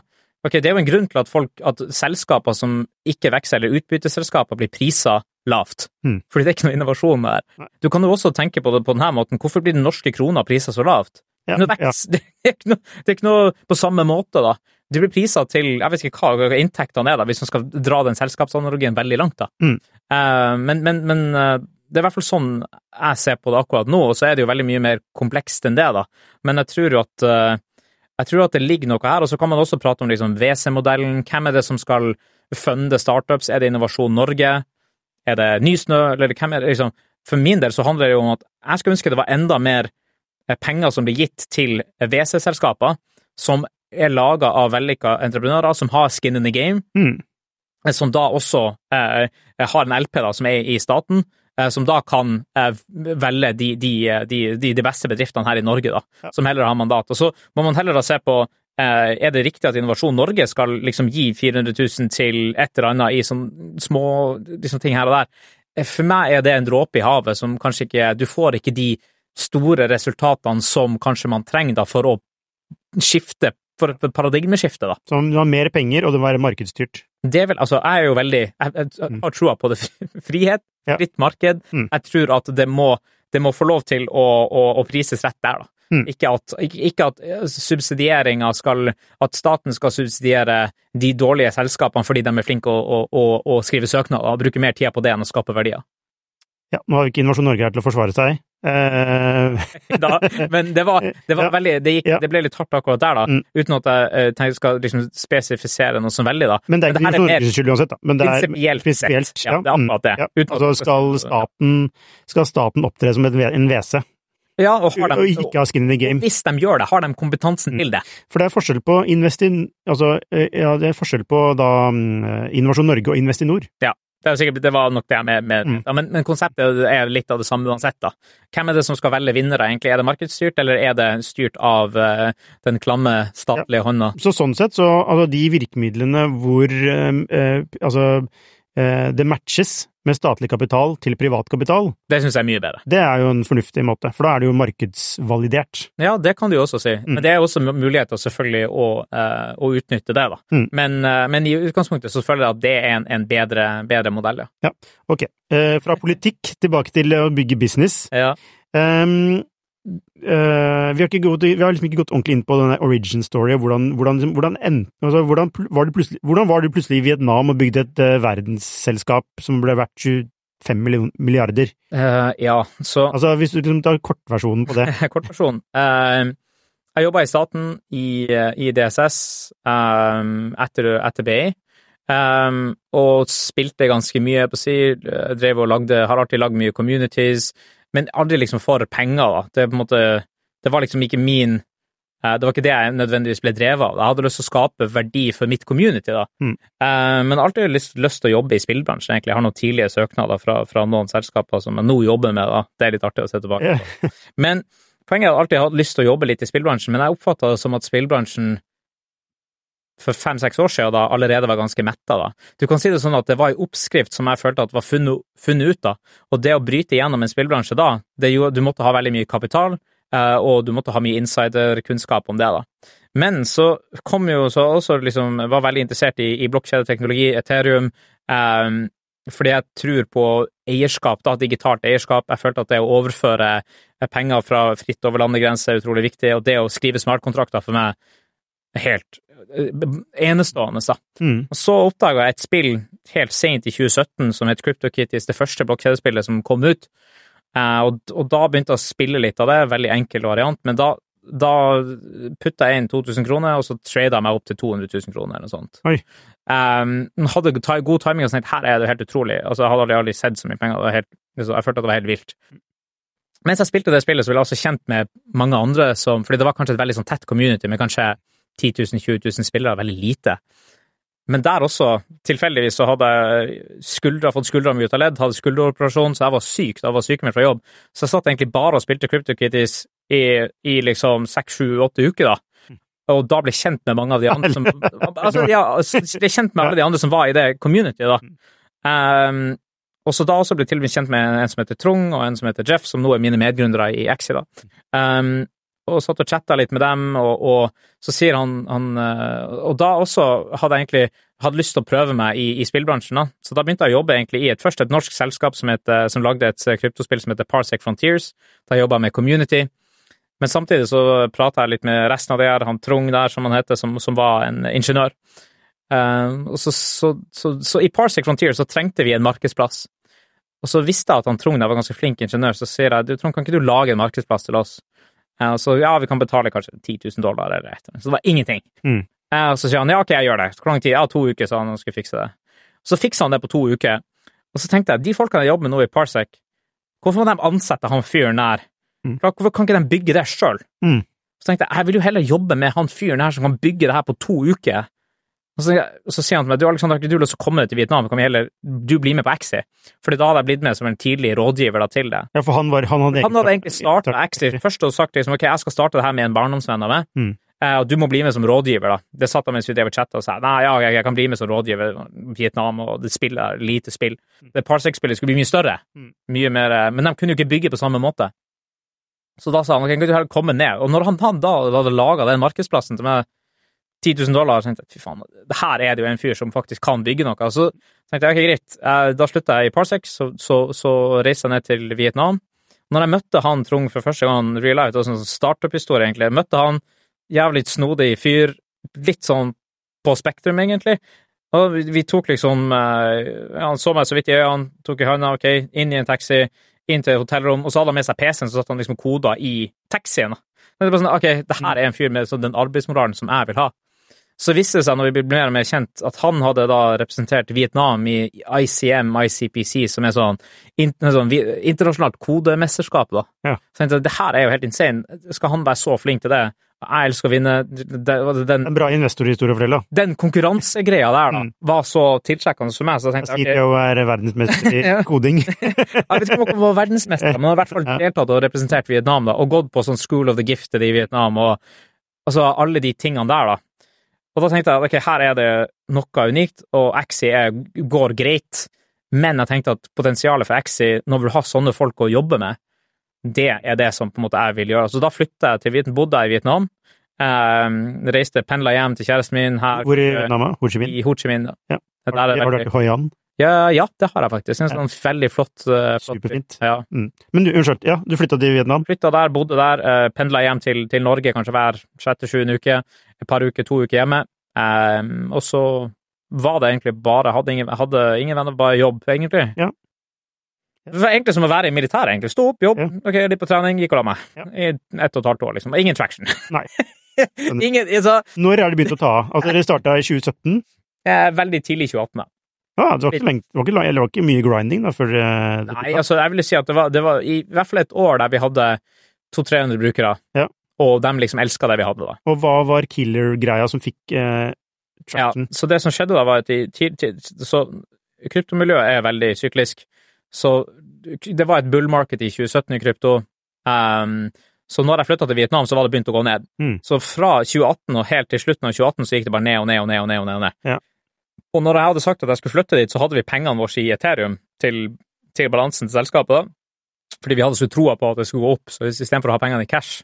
Mm. Så hadde vi det i Ethereum, da. Og, det, og det, til slutt så hadde vi én måned igjen å leve. Eh, og da kutta vi alle lønningene fra alt. Ingen hadde noe igjen.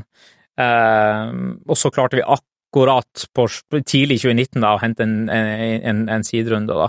Mm. Uh, og det var det som leda, da. Så det hadde vært egentlig det, det, året der gikk med å lære seg hvordan skal man hente penger fra investorer. Kunne kjente ingen, ja. kunne ingen prøvde å få kontakt med noen, ble rejecta sikkert hundrevis av ganger. Hva er det din lærdom er der? Hvordan skal man hente penger fra investorer? Um, Hva er det viktigste du må ha på plass? Altså, altså Åpenbart bra team og sånn, ikke sant? Er, men alle er mange bra team som ikke har fått funding. En god historie, vil jeg si. Ja, god historie. Hva ligger i det? Uh, jeg tror at uh, Du må tegne et bilde som de tror på. Ja, selvfølgelig. Du, du må jo klare, å få fram hvorfor er det vi som skal lykkes her. Hva er det, hva er det det selskapet, eller hvorfor er det vi skal slå de andre til det her markedet, egentlig? Ja. Og hvor stort er markedet vi uh, opererer i, og så må du passe inn i den modellen til de venture-selskapene som, som, du pitchet. Altså, markedet du prøver å angripe, må være stort nok til at det skal være et venture case. Det vil jeg si. det, de tingene må men, du må... Men vil ikke se noe bevis for det? Altså, det, det, kommer jo litt an på eh, din og, Altså teamet, da. Hvor, hvor, godt er teamet, da? Ja. Og hvis du, en, hvis du, har en, MVP eller har noen brukere, så er det selvfølgelig mye, mye bedre, da. Så det er jo, alle investorer vil jo vente til du har lykkes. Det hjelper fra uh, Vietnams beste koder. Ja, men det hjelper jo ikke det hvis du hvis du selv altså Selskapet var jo satt opp i Vietnam, det er ingen som har lyst til å investere i Vietnam i det hele tatt heller. Ja. Altså, ikke bare det, da, men skal du prøve å kommunisere det ut, så du har du en sånn halvautistisk vietnameser som sitter på ved siden av deg, og han klarer så vidt å snakke liksom engelsk. Mm. Den er litt verre. Ja. Og ikke at jeg hadde pitcha en investor i hele mitt liv heller. Så du må på en måte lære deg alle de tingene der, da. Så, eh, Men tror, hvis det hadde vært rent vietnamesisk selskap, tror du de hadde fått traction da? Hadde de fått penger da? Nei, det tror jeg ikke. Nei, fordi du må ha sånn du må ha vest, det, det, som er, vest, ja. Du må ha et vestlig, det er litt sånn halv-iffy å si, men, men, det er lettere, i hvert fall. Ja. Fordi vi hadde jo meg, og så hadde vi også en amerikaner, da. Mm. Så jeg og han ble sånn bra dreamteam på det der. Han er mye mer aggressiv enn meg til å Uh, gå ut og møte random folk, finne litt business, typisk veldig sånn BD. Ja. Mens jeg er mer liksom, ok, litt mer strukturert, her er den runden vi skal hente, og mye mer direkte salg, da. Ja. Eh, sånn med tanke på at du ser det med en du forteller historien, mm. og klarer å svare på spørsmål på en ekte måte. Da. Vil du si at du er du introvert? Uh, mer vil, Kanskje kan du være introvert-ekstrovert? Ja. Det går an å være. det vil jeg si at jeg er. Ja. Fordi at jeg, jeg, liker ikke folk, egentlig. Men når jeg da snakker med folk, så kan jeg begynne å like dem. Da. Du liker ikke folk, egentlig? Nei, jeg tok jo en sånn uh, Det her er litt artig, jeg tok en sånn Big Five-test rett etter at vi hadde blitt hacka. Da. Mm. Og da fikk jeg den bitreste, sureste personligheten altså, av, som jeg hadde hatt noensinne. Altså, føles ut som, fordi jeg var liksom i war mode. da. Ja. Så noen av de spørsmålene der er liker du andre mennesker, eller tar du kontakt med andre, så bare sånn nei. Men jeg kan godt gjøre det. Ja. Det er bare at jeg får ikke inn energi av det. Nei. På samme måte som mange andre som Jeff. det. Han får det. Mm. Han er mye mer glad i den der. Jeg kan godt sitte og prate, men når jeg blir glad i folk, så, så får jeg masse energi av å prate med dem. Mm. Og det er en mye bedre Sånn som jeg tenker det på, når du da har de relasjonene med investorer, de må jo bli kjent med deg, bli kjent med din historie, klare å relatere til Klare å sette seg inn i den personen du er, da. Mm. Og der tror jeg at jeg er ganske flink, og der tror jeg faktisk at nordmenn også har en, en, en, en, en Faktisk, du klarer å være mer ekte da, Ja. enn mange amerikanere, fordi at du ønsker ikke å eh, Det er litt jantelov inni der, da, så man ikke må passe seg for å ikke lende seg for mye inni, men samtidig så må du også klare å si at nei, det her kan vi ikke. Mm. Jo, det her kan vi fordi sånn og sånn og sånn og sånn og sånne ting, da. Ja. Og det er, Det er veldig Altså, sånn sett er det en, ja, det er en fordel å være nordmann, kanskje. I en sånn, eh, altså, det- innbyr til tillit, da. Ja, det er akkurat det. Så du, altså, for at det samfunnet vi, eh, liksom, vi, vi skaper er jo veldig tillitsbasert, ikke sant? Mm. Og, og der oppfatter jeg at jeg klarer å bli tatt seriøst kjapt, Ja. og oppfattes som noenlunde kompetent i det jeg snakker om, uten at det blir veldig bardust og veldig høytsvevende. Så nå så, satt jeg jo her og sa at ok, kanskje vi skal ha den største walleten i verden. Det var ikke det som var den første pitchen, for å si det sånn, da. Nei. Du må i hvert fall klare å si at det markedet du skal gripe, det her gir faktisk litt mening. Ok, vi skal lage et spill, og det her spillet skal kanskje ha sånn og så, så mange brukere, eh, og det er greit, og så får vi se hva det blir til etter hvert. da. Men vi prøvde jo alt mulig å si at vi skulle lage infrastruktur. Ja, det, var, det, det er veldig eh, krevende, da. Å hente runder når det er i nye markeder. Selvfølgelig ingen som skjønner noen ting, krypto spesifikt også. Men etter hvert da, så gikk det på en måte å gå fra lua i handa til serie B-runden, for eksempel, som var helt motsatt igjen, da, der du Mm. kan curate akkurat den du vil ha, Mm. og by dem opp mot hverandre. Det er en veldig fin dynamikk som entreprenør, selvfølgelig. Det, man liker jo det mye bedre, da. Ja. Uh, jeg, Andresen Horowitz. ja, det gjorde vi. Uh, men vi Har du møtt de gutta? Ja, ja. Jeg var akkurat i, uh, i Palm Springs, faktisk, der de hadde en sånn krypto... uh, gathering. da. Der møtte han Brian Armstrong, også han som er CEO-en i Coinbase. Ja. Og så var det Oi, de, hadde flydd inn han Tom Brady som Ja. en sånn her motivasjonssession. da. Ja. Så det var veldig, veldig Never give up. Ja, altså, basic, han er jo det, Jeg vet ikke om du kan hans historie, men det er helt vilt. altså. Mm. Han ble jo, altså For dem som ikke har fulgt med, men han er jo en av de største The greatest of all time. in- Quarterbacks. Ja, basically. Mm. Og han ble jo skjøtta ned så sjukt mange ganger. Og han bare sånn ja, every time I got shut down, I just got back up. Mm. ja, Mm. du snakker om meg! det, var, det føltes ut som det, liksom. Så det var en veldig sånn eh, det, det, det, det var veldig passende til mange kryptoentreprenører som føler at man blir stompa to the ground liksom, i hvert bear market fordi det er så hardt. Eh, men ja, nå mista jeg litt tråden. Nei, ja, det, det var jeg som dro deg ut av det, men det handler om å hente, penger. Eh, og altså, tidligere runder, i tidligere runder så kommer du med lua i hånda, og nå i serie B og sånn så kan du mer velge ut hvem ja, alt, alt handler om traction, egentlig. Ja. Selvfølgelig. Eh, og serie C-runder så er det jo enda viktigere med traction. Eh, og da er det også limited hvor mange som kan investere. Altså, de vet jo hvem du er. Så du, det blir en helt annerledes måte enn at du må være i en slags eh, sales funnel med awareness, Mm. eh, og, så komme helt ned til bunnen av qualifying. Da. Hvem er det som, som egentlig funker, da? Altså, det er sånn Altså, første runde så har du ingenting. Ikke sant? Altså, du har, ingen, du har bare en idé, eller et team, kanskje. Mhm. Og så etter hvert som du får produktet, markedet, kunder etc., så får du data, og så er det det som blir beviset, da, ikke sant? Ja. Traction etc. Så, så da er det sånn, du kan ikke bare si at vi er et bra team, og ha ræva resultater. De gater jo, de pleide å si at før så var det gata på serie A. Mm. Eh, noe egentlig er Pre-seed er den nye seed. Ja. så de gater ofte på seed, da, er der det gjelder traction på produktet. da. for de som ikke skjønner hva det betyr, hva betyr akkurat det du sa nå? eh, gating i forhold til at det er mye vanskeligere å få inn penger til en siderunde nå kanskje enn før. Ja. Eh, mens før var det veldig mye, kanskje mye mer vanskelig å få inn en, til en serie A-runde. fordi at Mm. når, de da, når du sier ofte at når du kommer til serie A, så skal du ha validerte kunder, Mm. du skal ha en klar businessmodell, du skal klare å se hvordan de her pengene skal eh, multiplye opp da, til det selskapet du prøver å bygge. Ja. Til og med nå, men, men på seed så er det også til og med mer dataorientert enn før. da. Ja. Eh, oppfattes, det, oppfattes det som for min del. Så med den kunnskapen og kompetansen du har nå, hvis du skulle gitt råd til noen som skal ut og hente sine første penger, Mhm. hva, altså hvilke tre ting hva, hvilke, hvilke tre ting hadde vært på plass som hadde gjort at det hadde vært en no-brainer å investere i det caset? Eh, det, jeg tror faktisk at det eksisterer ingen eh, sånne der det er no-brainer, fordi at Eller det, ok, det, la meg si det sånn at dem som er no-brainer å investere i, det er folk som har lykkes allerede, Ja. som, har, eh, som, som, som er, er, store entreprenører fra før av. De kan velge velge. Alle andre som, som, ikke, som, er- som ikke er det, da handler det om å nettverke seg til en slags intro på en eller annen måte, men før det igjen så må du jo ha historien bak selskapet, hva er det vi prøver å bygge, hvor stort liksom er markedet, og hvorfor er vi eh, det teamet som skal lykkes her, da? Hva er det gjør som gjør at vi er de, eh, Mm. De mest, mest unike her, da, som, som skal klare å slå markedet, da?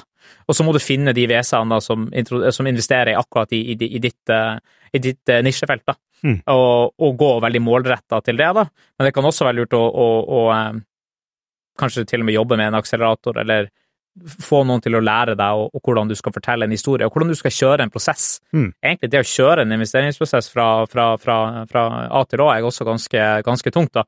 Fordi alle invester... I hvert fall hvis du ikke vet hva du gjør, da. For alle investorer sier jo De vil aldri si nei til ansiktet ditt. De vil heller si ja, så kult, hold meg oppdatert Mm. dere har mer traction. Fordi deres ønske er jo at de vil ha en option, basically.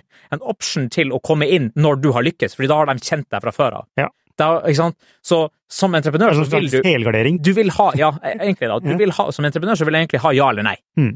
Og det handler om å tørre om å spørre. Ja. Det handler om å tørre om å sitte der og si at ok, vi er her i det, vi er her at nå skal vi hente denne runden, det her er de og de som er med. Jeg trenger nå at dere sier at eh, er du med eller ikke, og så det er jo selvfølgelig veldig... Nå tåler du å høre svaret. Akkurat det. Mm. Fordi det er ingen som liker å få nei. Det er mye hyggeligere å få en liten 'ja, så flink dere er', og Mm, og 'det her er noe for oss'. Mm. Kanskje ikke akkurat nå. Og så da sitter du der og prøver å maile dem frem og tilbake, og kanskje prøver å, å, å, å skape det selskapet som dem vil ha. Mm. De vet jo faen ikke hva du lager, det er jo du som kjenner ditt produkt og ditt selskap best. De vil bare ha, en, eh, ha traction, de vil bare også være med i en runde som er populær. Mm. Så det her handler også om å skape momentum. Da. Momentum, slik jeg ser det, er en av de aller, aller liksom, største kreftene i hele universet. Hvis du har momentum, klarer å bygge på det, Mm. så, så er det bra. Men det å få den første ja-en, det å få den første til å forplikte seg til å investere, det er det viktigste. Og her kan man også være litt lur. Istedenfor å si at eh, du kan spørre ja, Hvis jeg spør deg er du med å investere, så kan du si sånn Nei, kanskje ikke akkurat nå. Og så, så, så, så prøver jeg å si ja, men gitt at La oss si det sånn, da. Jeg sier vi skal ha ti millioner eh, i runden vår, da. Mm. Gitt at vi kommer til slutten, at vi får folk som er med på ni millioner, Mm. er du da med på én million? Mm. Og hvis du da sier ja, kanskje Det høres ikke så dumt ut, det, da. Ja eller nei? Ja, hvis, så sier jeg ja, hvis jeg forstår det rett nå, Mm. så lenge vi har andre altså investorer med som fyller opp ni millioner kroner, så er du med for én million. Mm. Ja. Altså, det er en måte å reframe den Mm. Ja. altså, også, Men da må du også på en måte, da kan du si til andre investorer ja, ok, vi har en med på én million. Ah, Til Ja. Men du trenger, så, Du trenger ikke si- ja, du trenger ikke si alt. si- forutsetningene. Nei. ja, nei, men selvfølgelig, det er jo ikke sånn at uh, du, du må jo si det til slutt, da, men Mm. så lenge du klarer å komme til, til de ti millionene som du har sagt etter mål, Mm. da har du på en måte skapt momentum i din egen runde. Skjønner du hva jeg mener? Jeg skjønner veldig godt hva du mener, men er det sånn at du da er den forplikta til å gi den siste millionen? Ja, det vil jeg si. Hvis du da sier ja, Ja. tilbake, så er du forplikta til å si til, til ja til de første, da. Mm. Men da kan du også si at ja, jeg forstår den interessen, bare sånn at jeg forstår deg rett. Så sier du nå at du er med for ti million, nei, én million. Mm. Så lenge vi har ni millioner andre, så sier, du, så sier han ja, så sier jeg ja. Takk, jeg skal si ifra hvis vi kommer dit. Ja, jo, jo. Men det er en veldig fin måte å gjøre det, fordi da Tydelighet. Du tar jo, du tar jo mye av risikoen, eller du tar jo mye av jobben selv. Altså, du, du sier jo ok, jeg skal faktisk skaffe ni millioner, Sure, ja. og, og da, da, har du, da har du redusert en risiko Mhm. for Vesan. Du gjør det enkelt for, det enklere for, for henne da, å bli med Selvfølgelig. eh, når du på en måte har gjort den jobben først, versus å bare si du trenger en million. Ja. Eh, bare, hvorfor skal jeg investere en million i deg? Og det er det svakeste. ikke sant? Det er det, akkurat det. Det er jo akkurat derfor, for folk spør jo Det blir som litt å spørre ei dame da, har du lyst til å gifte deg før du har vært på en første date. liksom. Det man må gå litt på date, man må ha gode samtaler, og så kan du på en måte komme med det spørsmålet der. da. Mm. Eh, og at, å gifte seg i dette forholdet vil jo bli å overføre pengene. da. Ja. Eh, så det er jo en måte å kjøre en salgsprosess. Og så kan du også si at eh, og så er det mange investorer som sier at ja, jeg kan bli med og investere så lenge du får en lead. Mm. Alle er så jævla opptatt. Å, kan ikke du lede runden min? Jeg tror det er også en slags meme. Du trenger ikke nødvendigvis å ha en lead investor. Ofte så kan man skape sitt, e- sin egen runde ved å få forpliktelser akkurat den måten jeg sa det nå. Mm. Fordi hvis du da kommer til slutten, og så sier du til andre Du har ti investorer, ok, alle sammen med på én million. Så ser de ok, shit, det her er faktisk ni andre som har sagt ja. Da er det traction, da er det momentum. Ja. Kan du si at nå er det plutselig ti andre her som har sagt ja. Da kan du gå til stort vese og si her faktisk, vi har ti, vi er oversubscribed. Mm. Når du da er oversubscribed på runden, da blir det en helt annen dynamikk. Ja. Da kan du faktisk uh, si velge litt mer. Ja. Men alt handler om tydelighet i den runden. Hvordan Mm. klarer du å kommunisere det her til dem, da? Klar, hvis, la oss si du egentlig, egentlig har fem millioner, da. Mhm.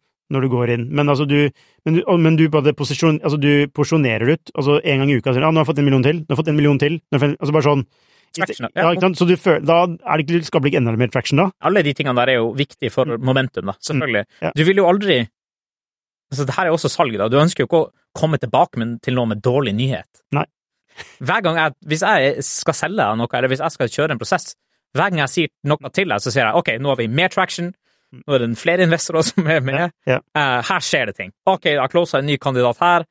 Jeg har slutta jobben. Altså, det må alltid være Et eller annet. et eller annet som, som gjør at dem som faktisk har sagt Hvis de da har sagt ja, de er med, Ja. da er det din rolle også å holde dem Men er det ikke litt sånn slitsomt med sånne investorer som du må liksom jobbe så jævlig hardt på? altså, så, Eh, Beggars can't be choosers. Så ja. enkelt er det. Hvis, du, hvis du ikke klarer hvis, Vi tok jo nå vi tok en, altså, Hver fuckings krone vi kunne få, Mm. for de kjente ingen. Mm. Fordi vi måtte ta alt. Ja. Ok, så kanskje da gjør det at du må jobbe litt hardere, Ja, ja. og være litt, og, og, og holde noen i handa. Men det handler jo også mye om hvordan du strukturerer Mm. det etter hvert også, da. Du kan jo ikke, det, er jo, det er jo ikke selvfølgelig norske investorer som, som ber om 40% eierskap og skal være i styret. Sånne er det kanskje greit å styre unna. Jeg vet ikke om det er så mange nå lenger der, da. Nei, men, men, men, men hovedpoenget er det at når man starter opp noe, så må du gjøre alt sjøl også. Ok, ikke bare er du styreleder, ja, du er også CFO. Ok, du er produktleder. Ja, nei, nå er du support. Mm. Nå henter du runden, ikke sant? Det handler jo om å eh, trå til der det er, og her er også en av de tingene som jeg er veldig opptatt av når det gjelder startup og rekruttering og finne de rette folkene, og det er også å være high agency. Ja. Gjør det, få gjort noe. Jeg faktisk ikke hater folk, men jeg klarer ikke og utstår ikke folk som snakker for mye om ting. Det er jo litt ironisk når vi sitter her og snakker i en podkast, men poenget er jo at man må faktisk Do it. bygg, bygg, gjør noe for momentum. Ta også, ok, da har vi skapt en hjemmeside, da har vi fått noen folk på laget. Da, altså det å bare sitte i ro og tenke seg til Du har, du, du har meg funnet opp hele selskapet i hodet, du vet hva du skal gjøre. Ja, du har gjort alt. Mm. Du har ikke gjort det. Nei.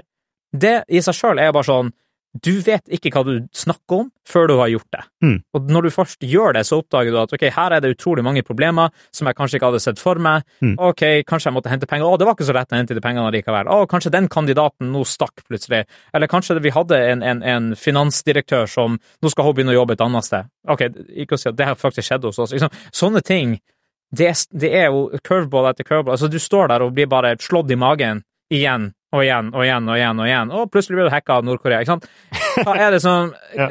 hva er det som gjør at man skal på en måte klare å stå imot alt det der? da? Ja. Det handler jo om at det må være et slags eh, et ønske om å skape noe som du, du klarer å se et heftig potensial. av. den mentaliteten du beskriver nå, eh, er den noe som har blitt utvikla nå de siste årene?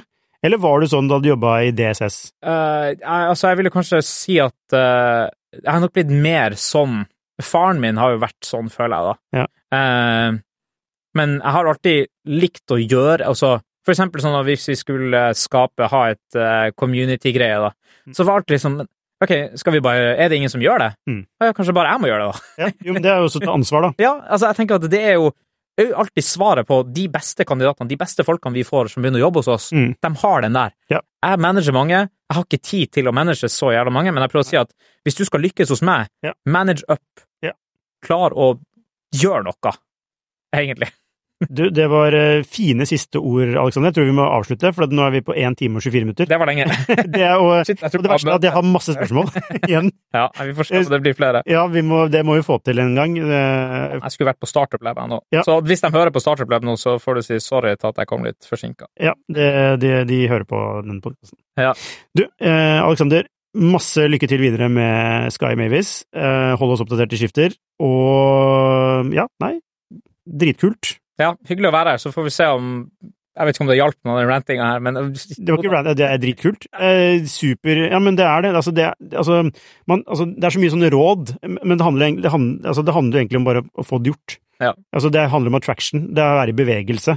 Altså, det er sånn, egentlig noen grunnleggende ting som det er Altså, min teori er at det, ting er egentlig veldig enkelt. Mhm. Bare gjør det enkle, men gjør det konsistent. Ja. Så går det bra.